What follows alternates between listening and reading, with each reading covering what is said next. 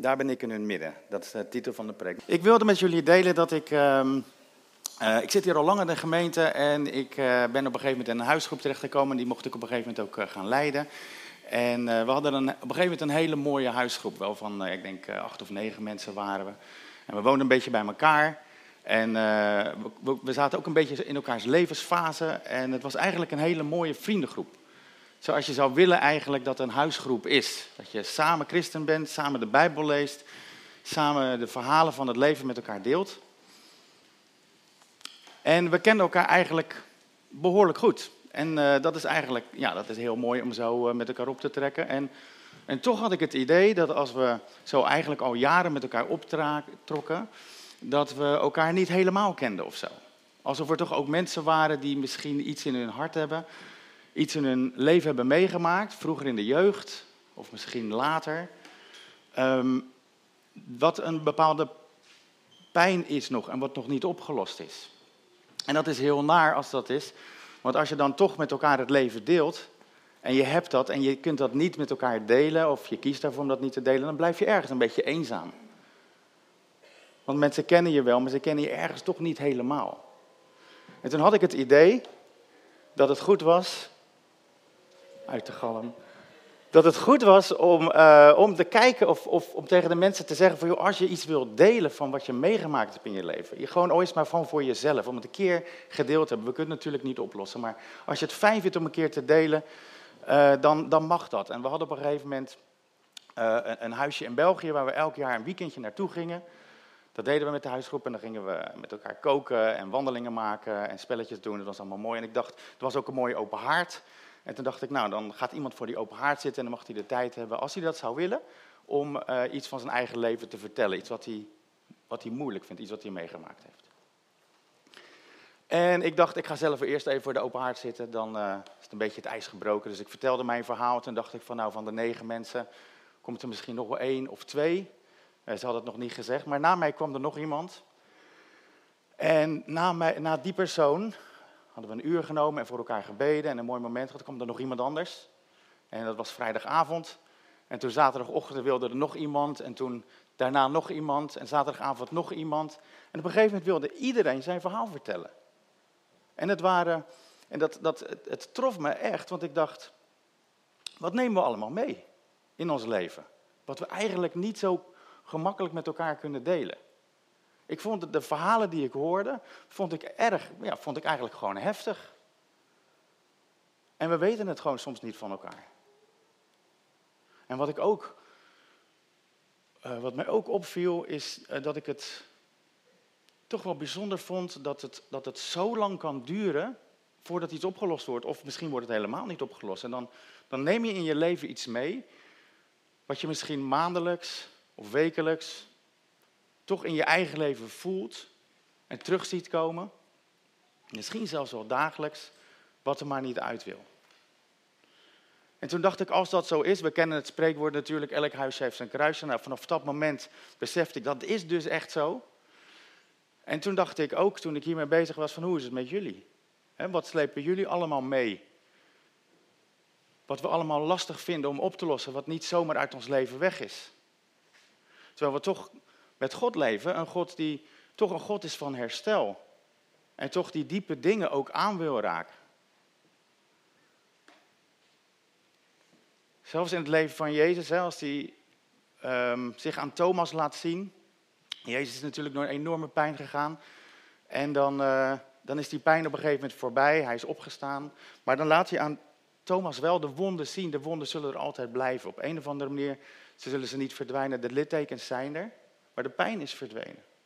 En ik denk dat God dat met ons wil. En ik denk eigenlijk dat, dat God jullie ook uitdaagt voor, voor degene die denkt van ja, dat past wel een beetje bij mij. Ehm, om toch weer hoop te krijgen, om ermee aan de slag te gaan. Om die dingen die, die diep verborgen liggen, ehm, met hem op te gaan lossen. En vandaag wil ik kijken naar een eh, Bijbelverhaal, een heel bekend Bijbelverhaal, ehm, dat misschien jou kan helpen. En eh, ik wil Dimp vragen of jij het zou kunnen lezen, Dimp. We hebben hier volgens mij een microfoon. Dat is het verhaal van de Emmausgangers, we kennen het allemaal. Het komt niet op de beamer, maar misschien moet je gewoon even je ogen dicht doen en naar Dim luisteren en kijken of er iets in dat verhaal is wat de Heilige Geest voor jou eruit ligt.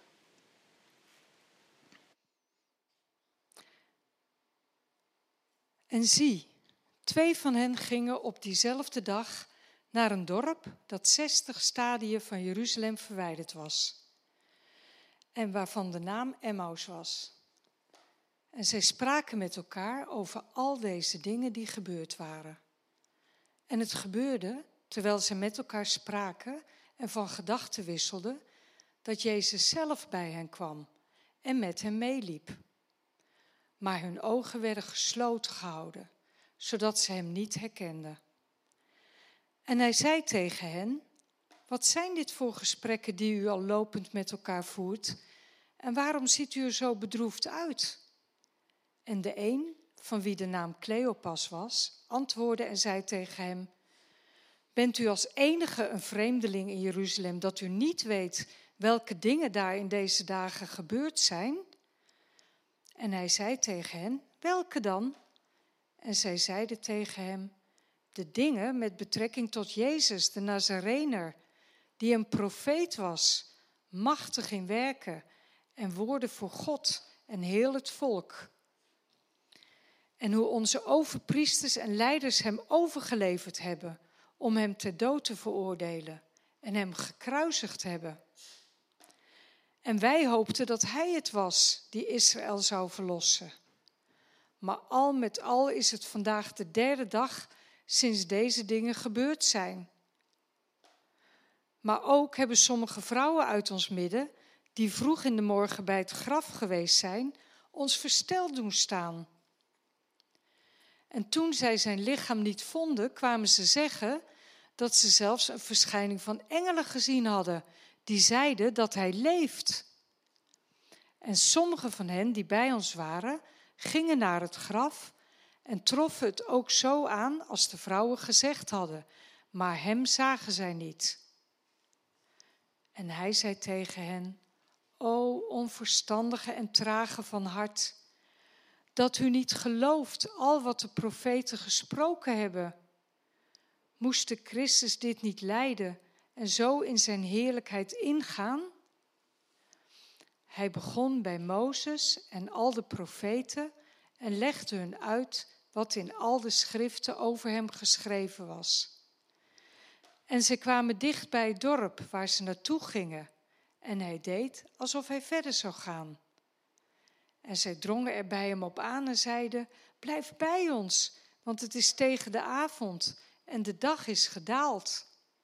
En hij ging naar binnen om bij hen te blijven. En het gebeurde toen hij met hen aan tafel aanlag, dat hij het brood nam en het zegende. En toen hij het gebroken had, gaf hij het aan hen. En hun ogen werden geopend en zij herkenden hem maar hij verdween uit hun gezicht. En zij zeiden tegen elkaar: Was ons hart niet brandend in ons toen hij onderweg tot ons sprak en voor ons de schriften opende? En op dat moment stonden zij op en keerden terug naar Jeruzalem en vonden de elf discipelen en hen die bij hen waren bijeen. Die zeiden: de Heer is werkelijk opgewekt en is aan Simon verschenen. En zij vertelde wat er onderweg gebeurd was en hoe hij door hen herkend was bij het breken van het brood. Dankjewel, Alsjeblieft.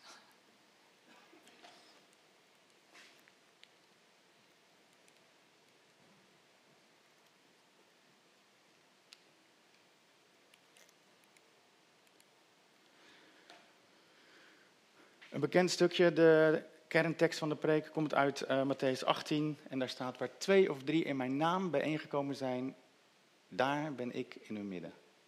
Waar twee of drie in mijn naam bijeengekomen zijn, daar ben ik in hun midden. Nou, bijzonder verhaal. We kennen het natuurlijk allemaal, hè? het verhaal van de MS-gangers, denk ik. We horen het misschien al op de zondagschool. En, um, Maar het is goed om je even in te leven. Het gaat hier om twee mensen. De een heet Cleopas, van de ander weten we niet wie het is. Nee, het is ook geen bekende naam. Hij is ook niet een van de twaalf discipelen, maar Jezus had naast de twaalf ook nog iets, een stuk of zeventig mensen eromheen die ook heel veel met hem meeliepen. En ze verwachten dat hij daarbij hoorde, dus een van de zeventig. En goed, er liep dus nog iemand mee, een vriend, waarschijnlijk, ik noem hem maar even de vriend van Cleopas. Maar je moet je even voorstellen dat de Joden leefden heel erg eh, met het woord van God, hè, met de Torah, met de Tenach. En zij verwachten al heel lang een Messias. En ze hadden na de Babylonische ballingschap hadden ze een, een, een, klein beetje voorspoed gekend. En toen waren de Grieken gekomen en die hadden Israël overheerst en die waren vertrokken. En toen waren de Romeinen gekomen en die overheersten Israël nu. En dat is natuurlijk heel beklemmend. Als er een, een, een leger of een, een ander land uh, in jouw land is, um, je kunt niet zeggen wat je wil, je kunt misschien niet organiseren wat je wil. Er verdwijnen misschien wel eens mensen, misschien is er oneerlijke rechtspraak, een, een bedrukte atmosfeer. En al jaren hoopten ze dat de Messias zou komen.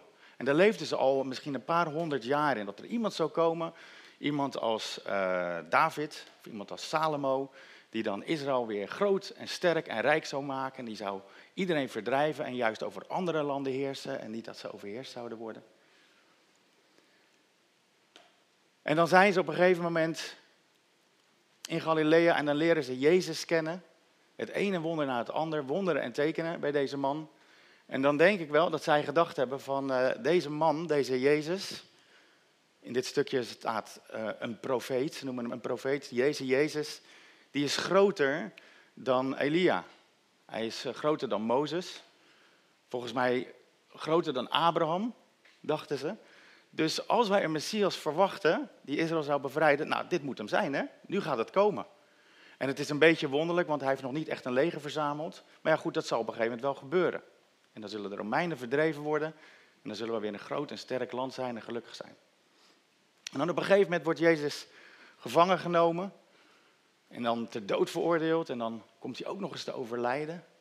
En dan kan ik me voorstellen dat, dat voor de discipelen, die nog steeds dat idee hadden dat hij een soort David zou worden die de Romeinen zou verdrijven, letterlijk, dat het voor hun een enorme desillusie was. Van, wauw, dit, we zijn nu echt op het punt in de geschiedenis, nu gaat het komen, Israël gaat weer groot en sterk worden en in één keer is dat weer weg. En dan zijn er ook nog weer een aantal vrouwen die naar het graf zijn geweest en zeggen, ja, hij is niet meer in het graf. En we hebben ook eh, een, een engel gezien.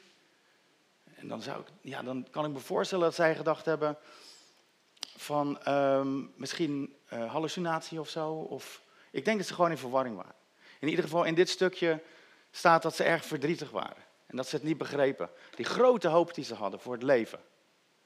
In één keer helemaal weg. En ze waren bedroefd.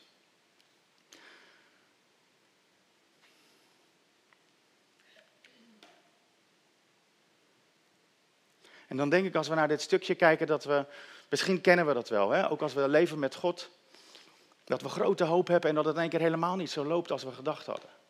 Dat God een andere weg gaat.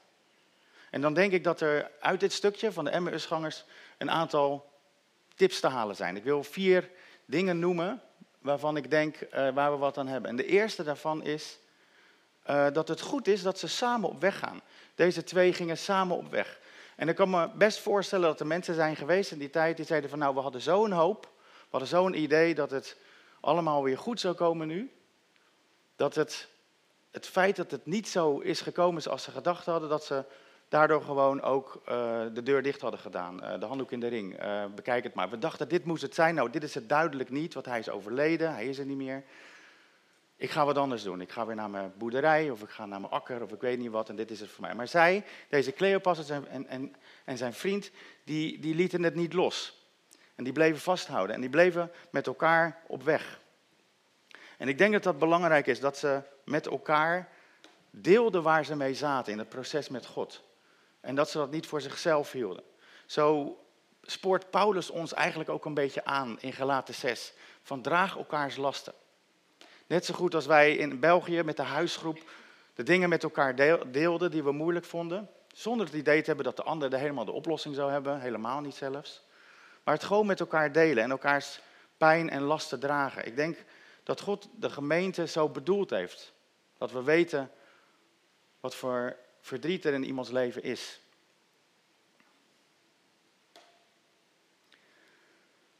Maar het bijzondere is, en dan kom ik gelijk terug op die, eerste, op die tweede tekst die ik net voorgelezen heb, dat God begint te spreken. Wonderlijk is ook dat de ogen van Cleopas en zijn vriend dichtgedaan worden door God. Hè? Ze, ze, ze zien niet wie het is. Maar Jezus komt tussen beiden en die begint in dat samen zijn, daar waar ze samen op weg zijn en samen worstelen met wat, wat, wat er allemaal gebeurd was, komt Jezus daar en hij begint te spreken. En het unieke is, als God begint te spreken, als Jezus begint te spreken op die punten waar we het moeilijk hebben, waar we, waar we pijn ervaren, waar we in, in een worsteling zitten, dan begint Jezus direct met de schriften. Hij gaat terug naar de toren, naar de boeken van Mozes en de profeten en, en de geschriften, om uit te leggen. En dat alleen al uh, doet bij hun langzaamaan die hoop weer groeien. Langzaamaan vatten ze weer hoop, want ze gaan het toch een beetje zien dat, dat alles wat er gebeurd is, dat het ergens ook wel klopt en beschreven staat. En ik denk dat dat een tweede les voor ons mag zijn, dat, dat het zo belangrijk is dat we Gods woord kennen. Want als we Gods woord kennen, dan zullen we veel meer begrijpen van wat God in ons leven doet. Door Gods woord te lezen, leren we zien wie God is en hoe die met ons omgaat. In Colossense 3 zegt Paulus ook: laat de woorden van Christus in al hun rijkdom in u wonen. Eigenlijk is dat gewoon een opdracht. Dat we de Bijbel eigenlijk vastpakken en doorworstelen en lezen alsof we hem helemaal opeten. Maar als twee of drie in mijn naam bij elkaar zijn, waar twee of drie in mijn naam bijeengekomen zijn, daar ben ik in het midden. Dat is zo mooi. Als je met elkaar op weg gaat, God wil spreken. En dan zijn ze met elkaar onderweg en dan uh, best een hele wandeling, want van Jeruzalem naar Emmaus was het 12 kilometer, dus het was een heel stuk gelopen. We weten niet wanneer Jezus erbij gekomen is, maar ik denk toch uh, dat hij een heel tijdje mee heeft gelopen, want hij heeft heel veel uitgelegd over alle schriften, staat er. En dan um, zijn ze vlakbij het dorp en dan wil Jezus uh, doorlopen. En dat vond ik frappant om te lezen, want ik dacht, zo kennen we Jezus toch helemaal niet. Jezus is, is toch juist degene die blijft zegenen en blijft spreken en blijft helpen. En waarom maakt hij dan eigenlijk een beweging om door te lopen? Waarom blijven ze niet gewoon bij elkaar staan en kletsen ze gewoon misschien vlakbij het dorp voordat zij naar het dorp gaan nog even verder? Nou, Jezus maakt een beweging om door te lopen. En dat is iets unieks. En ik vroeg me af, wat is dat nou? Waarom koos hij daar nou voor? Waarom koos hij ervoor om door te lopen? En ik denk dat dit het antwoord is dat God ons heel veel wil geven. Hij wil heel veel tot ons spreken. Hij wil ons herstellen. Hij wil bij ons zijn. Hij wil ons zegenen. Hij wil ons voorspoed geven. Maar er is eigenlijk iets wat voor hem nog belangrijker is. En dat is dat hij een relatie met ons heeft. En op het moment dat hij naar de Emmausgangers toe is gekomen en is, eh, in gesprek is geweest met ze, dan is het alsof God verlangt dat er van hun ook een stap komt. Alsof, alsof, alsof Jezus verlangt van hun dat dat ze hem vastgrijpen en zeggen, we willen niet dat je gaat. En dat doen ze dan ook. Ze, ze halen hem over om mee te gaan naar huis. En we lezen dit ook um, in Hooglied 5. Hooglied kennen we, het verhaal tussen een jongen en een meisje, die zijn verliefd op elkaar. En uh, op een gegeven moment is het uh, avond, het meisje is alleen thuis en uh, ze gaat slapen, ze, gaat, ze kleedt zich om, ze wast haar voeten en ze gaat in bed liggen. En dan op een gegeven moment dan, wordt op de deur geklopt. En dan is dat haar, haar vriend. En die roept dan naar binnen van mijn duif. En zij natuurlijk helemaal blij van oh weet je wel, dat is hem. En op een of andere manier komen er dan een paar gedachten bij haar binnen waarvan ik denk, hè, hoe kan dat nou? Dan zegt ze tegen zichzelf van luister, ik, ik heb me net omgekleed. Hij staat bij de deur, ik moet, ik moet me dan weer omkleden, is gedoe. Ik vind het niet heel belangrijk. Maar goed, dat is wat ze denkt. En vervolgens denkt ze, ja, ik heb mijn voeten net schoongemaakt. En als ik mijn bed uitga, ja, dan worden ze weer vies natuurlijk. Is overkomelijk. Maar uiteindelijk zegt ze tegen zichzelf, kom op, ik, ik, natuurlijk ga ik eruit. Dus ze, ze kleedt zich om en ze gaat naar de voordeur en ze doet open en hij is er niet meer. Hij is vertrokken.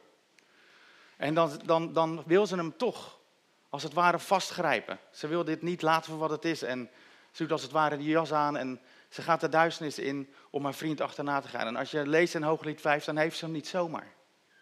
Dat duurt wel even. Het is wel even een worsteling voordat ze hem gevonden heeft. En dat is interessant, hè, dat, dat die dynamiek in een relatie eigenlijk nodig is. God zegent ons en toch verlangt hij ook dat wij opofferen. Dat wij echt voor hem kiezen, dat wij dingen los durven laten om echt voor hem te kiezen. En niet alleen is het mooi dat er dan een relatie ontstaat, maar ik denk ook, en als we het zo met elkaar hebben over dat God ons van binnen wil herstellen, dan is die relatie en die groei in de relatie zo hard nodig. En dan zullen we dat allemaal ervaren, dat wanneer God tot ons spreekt, dat we soms het idee hebben dat hij er even niet meer is. En dan moeten we dingen loslaten en opofferen en hem vastgrijpen, als het ware. En tegen hem zeggen, zoals de Emmausgangers zeggen, blijf bij ons. Ik merk dat zelf ook echt wel in mijn eigen leven hoor, dat ik, dat ik de Bijbel aan het lezen ben en dan, dan, dan, dan ontdek ik iets en dan ben ik er enthousiast over, maar ik begrijp het nog niet helemaal. En dan ga ik verder lezen en dan, dan komt er op een, moment, op een gegeven moment een, moment dat ik het allemaal niet meer zo zie. Ik heb een beetje gezocht en ik kon het niet echt vinden. En nog een concordantie erbij, die zei het ook niet echt. En dan denk ik, uh, oh ja, het is uh, acht uur journaal. Misschien ga ik dat uh, even eerst kijken. Of even koffie halen. Of, oh, ik moest nog een, een, vriend appen. Laat ik dat gelijk eventjes doen. En ik merk dat ik een beetje, een beetje weggenomen word in mijn gedachten.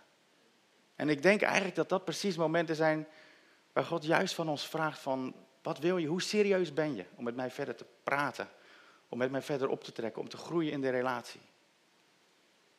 Ik merk het ook als ik, als ik s'nachts een droom heb gehad. God geeft ons dromen.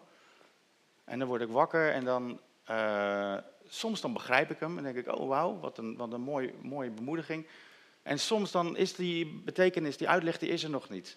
En dan, dan is er ook zo'n moment van, wat doe je ermee? En heel vaak laat ik het gewoon los. Dan denk ik, nou, misschien was het niet van God. Ja, of als we voor elkaar bidden en God geeft een indruk, een plaatje, heel vaak snappen we het, denken we, oh, daar zijn we bemoedigd. Maar geregeld denken we, wat bedoelt God hier nou precies mee? En dan laten we het soms eigenlijk maar weer een beetje wegwaaien. Dan valt Gods woord ergens een beetje op de grond. Soms denken we zelfs van nou, als het echt belangrijk is, hè, dan zegt God het vast nog wel een keer. Terwijl ik eigenlijk het idee heb dat God juist verlangt dat je zegt van u heeft een stap naar mij gedaan en nu ga ik worstelen, nu ga ik u vastgrijpen. Ik ga niet weg voordat u mij zegent. Voordat ik het antwoord heb.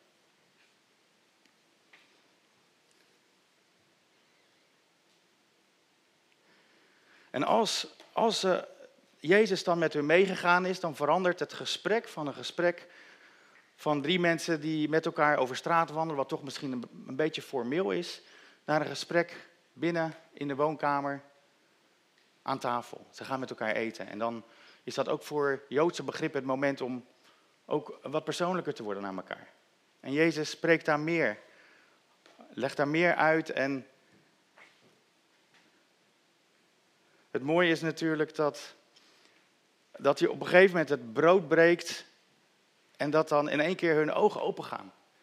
En dan is, dan is Jezus dat. Dan is Jezus daar bij hun in de woonkamer, thuis. En dan, ja, dan zijn ze natuurlijk, ze waren al opgebouwd. Hè? Jezus had de schrift uitgelegd, hun hart was gaan branden. Ze hadden hem vastgehouden, hij mocht niet doorlopen, ze wilden echt meer. En toen kwam die openbaring. En die teleurstelling die ze hadden gehad, van die Messias die Israël zou gaan redden, wat nu helemaal verloren was, want hij was gestorven en begraven.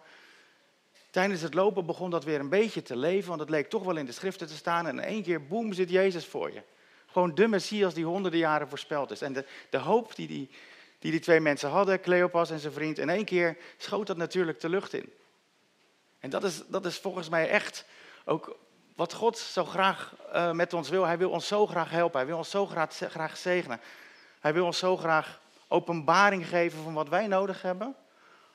Als wij ergens mee worstelen, als wij de hoop verloren zijn, als wij in verdriet zijn, als wij het niet meer zien zitten. Hij vraagt ons om met hem te worstelen en hem eigenlijk niet te laten gaan voordat hij ons gezegend heeft. We lezen bijvoorbeeld in Jeremia 33, dan, dan zegt God eigenlijk zo duidelijk tegen het, tegen het volk, um, dat dan in, in, in, ballingschap is en het gaat eigenlijk helemaal mis met Israël. Um, zegt, staat in Jeremia dat, dat God zegt van roep mij aan. En ik zal je grote en ondergrondelijke dingen openbaren. Dat is het hart van God voor ons allemaal. En we hebben die openbaring nodig. Openbaring over wie God is, van waarom dingen gebeuren, van wie wij zijn, van wat onze bestemming is. En God wil het met alle liefde geven.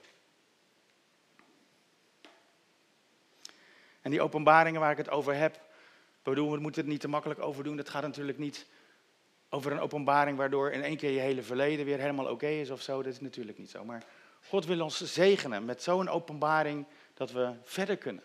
Dat we gesterkt zijn en dat we door kunnen groeien naar de plek die Hij voor ons heeft.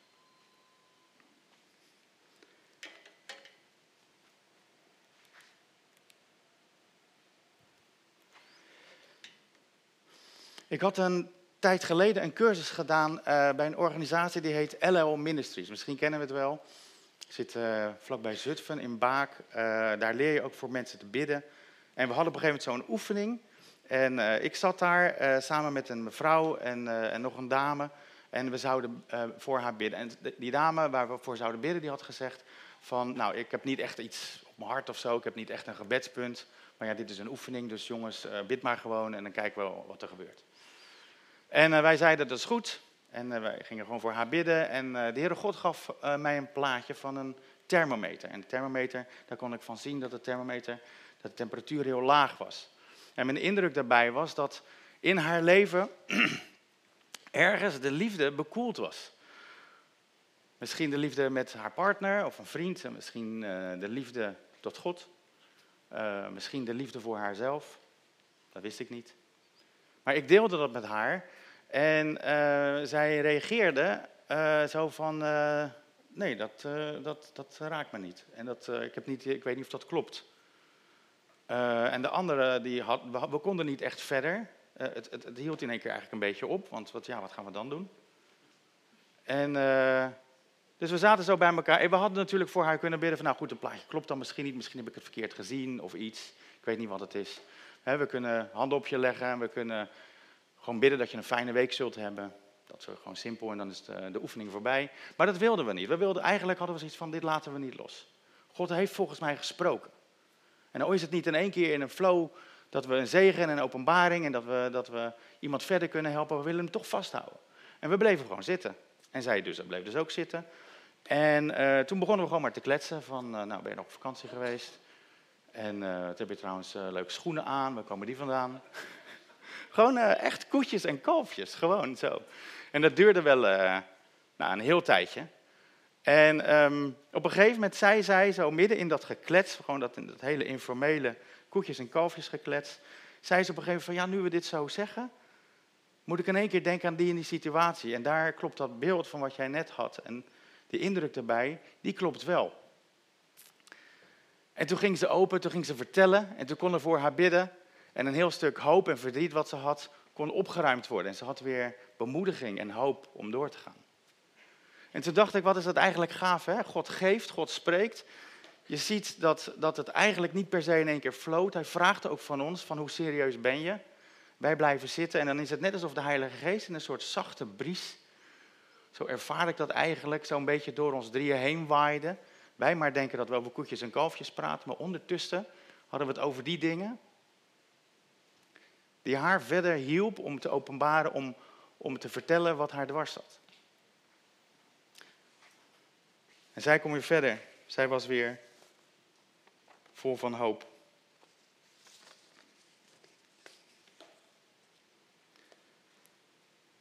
En zo denk ik dat God het ook voor ons heeft, voor deze gemeente. We zijn nu twee jaar bezig met het onderwerp relatiegericht discipelschap. Daar zijn we september twee jaar geleden mee begonnen. Um, we hebben er veel over gepreekt. Um, en we willen eigenlijk nu uh, er nog wat meer ruimte aan geven. We gaan in het gemeenteweekend ook extra bij stilstaan met het thema You Never Grow Alone. Um, discipelschap is natuurlijk van zichzelf relationeel. Maar we hebben echt het idee dat God heel duidelijk zegt van we willen dat dat relatiegedeelte in jullie als gemeente Utrecht, als discipelen van Jezus, dat het, dat het relatiedeel gaat toenemen. Dat jullie ietsje dichter naar elkaar toekruipen. Dat jullie iets transparanter worden. Dat jullie meer met elkaar gaan delen. Want daar is veel genezing in. En naast het gemeenteweekend, waar ook allerlei workshops zijn over dit onderwerp, relatiegericht discipelschap, willen we ook nog uh, de springmixperiode ook nog weer in dat teken zetten. Dus dan komen daar ook nog weer allerlei workshops over. En we zijn de afgelopen zes, zeven, acht maanden ook bezig geweest om te kijken of we meer triades kunnen vormen in deze gemeente. Of we misschien uh, meer huisgroepen en meer mensen op de huisgroepen kunnen krijgen. Zodat jullie allemaal de gelegenheid hebben, als je dat zou willen, als je dat fijn vindt, om met iemand op te gaan trekken waar je vertrouwd mee raakt, om op een gegeven moment gewoon samen op weg te gaan. En daarin Gods woorden te horen, God niet los te laten en openbaring te ontvangen, waardoor je groeit en sterker wordt. Velen van ons dragen iets met ons mee, een pijn, een verdriet. Iets wat we misschien wekelijks of maandelijks merken. Uh, en misschien ben je er alleen al met God bezig geweest en ben je al een heel stuk gekomen. Ik denk, het samen zitten met God is echt wel het anker, daar begint het. Maar misschien ben je er niet uitgekomen en misschien is het al zo lang in je leven dat je het ook een beetje zat bent. En ik denk dat het verhaal van de Emmausgangers ons hier uh, weer bij kan helpen. Het verhaal van de Emmausgangers laat zien dat als we optrekken met elkaar, dat God gaat spreken. Als twee of drie in mijn naam bij elkaar zijn, daar ben ik in hun midden. En als we hem niet loslaten, dan wil hij openbaring geven. Openbaring die ons helpt, die ons herstelt, die ons bemoedigt, die ons hoop geeft om door te gaan. Zodat we de kracht hebben om het volle leven te leven. Het volle leven dat hij ons gegeven heeft. Amen. Zullen we dit bij God brengen? Zullen we bidden? Misschien kan de band ook terugkomen.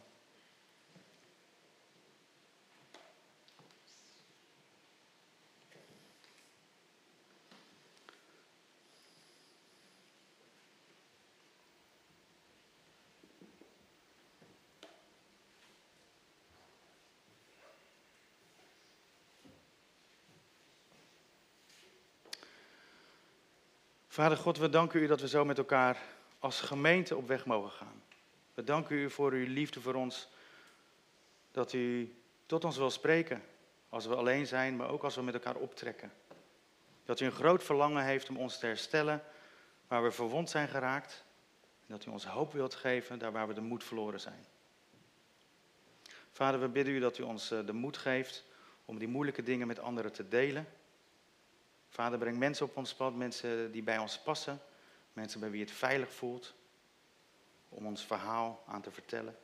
En we danken u dat u ons, als we ons aan u vasthouden, ons echt openbaring wil geven, herstel wil geven, hoop wil geven, zodat we verder kunnen. Vader, we geven u alle eer en dank voor wie u bent en voor alles wat u voor ons doet. Amen.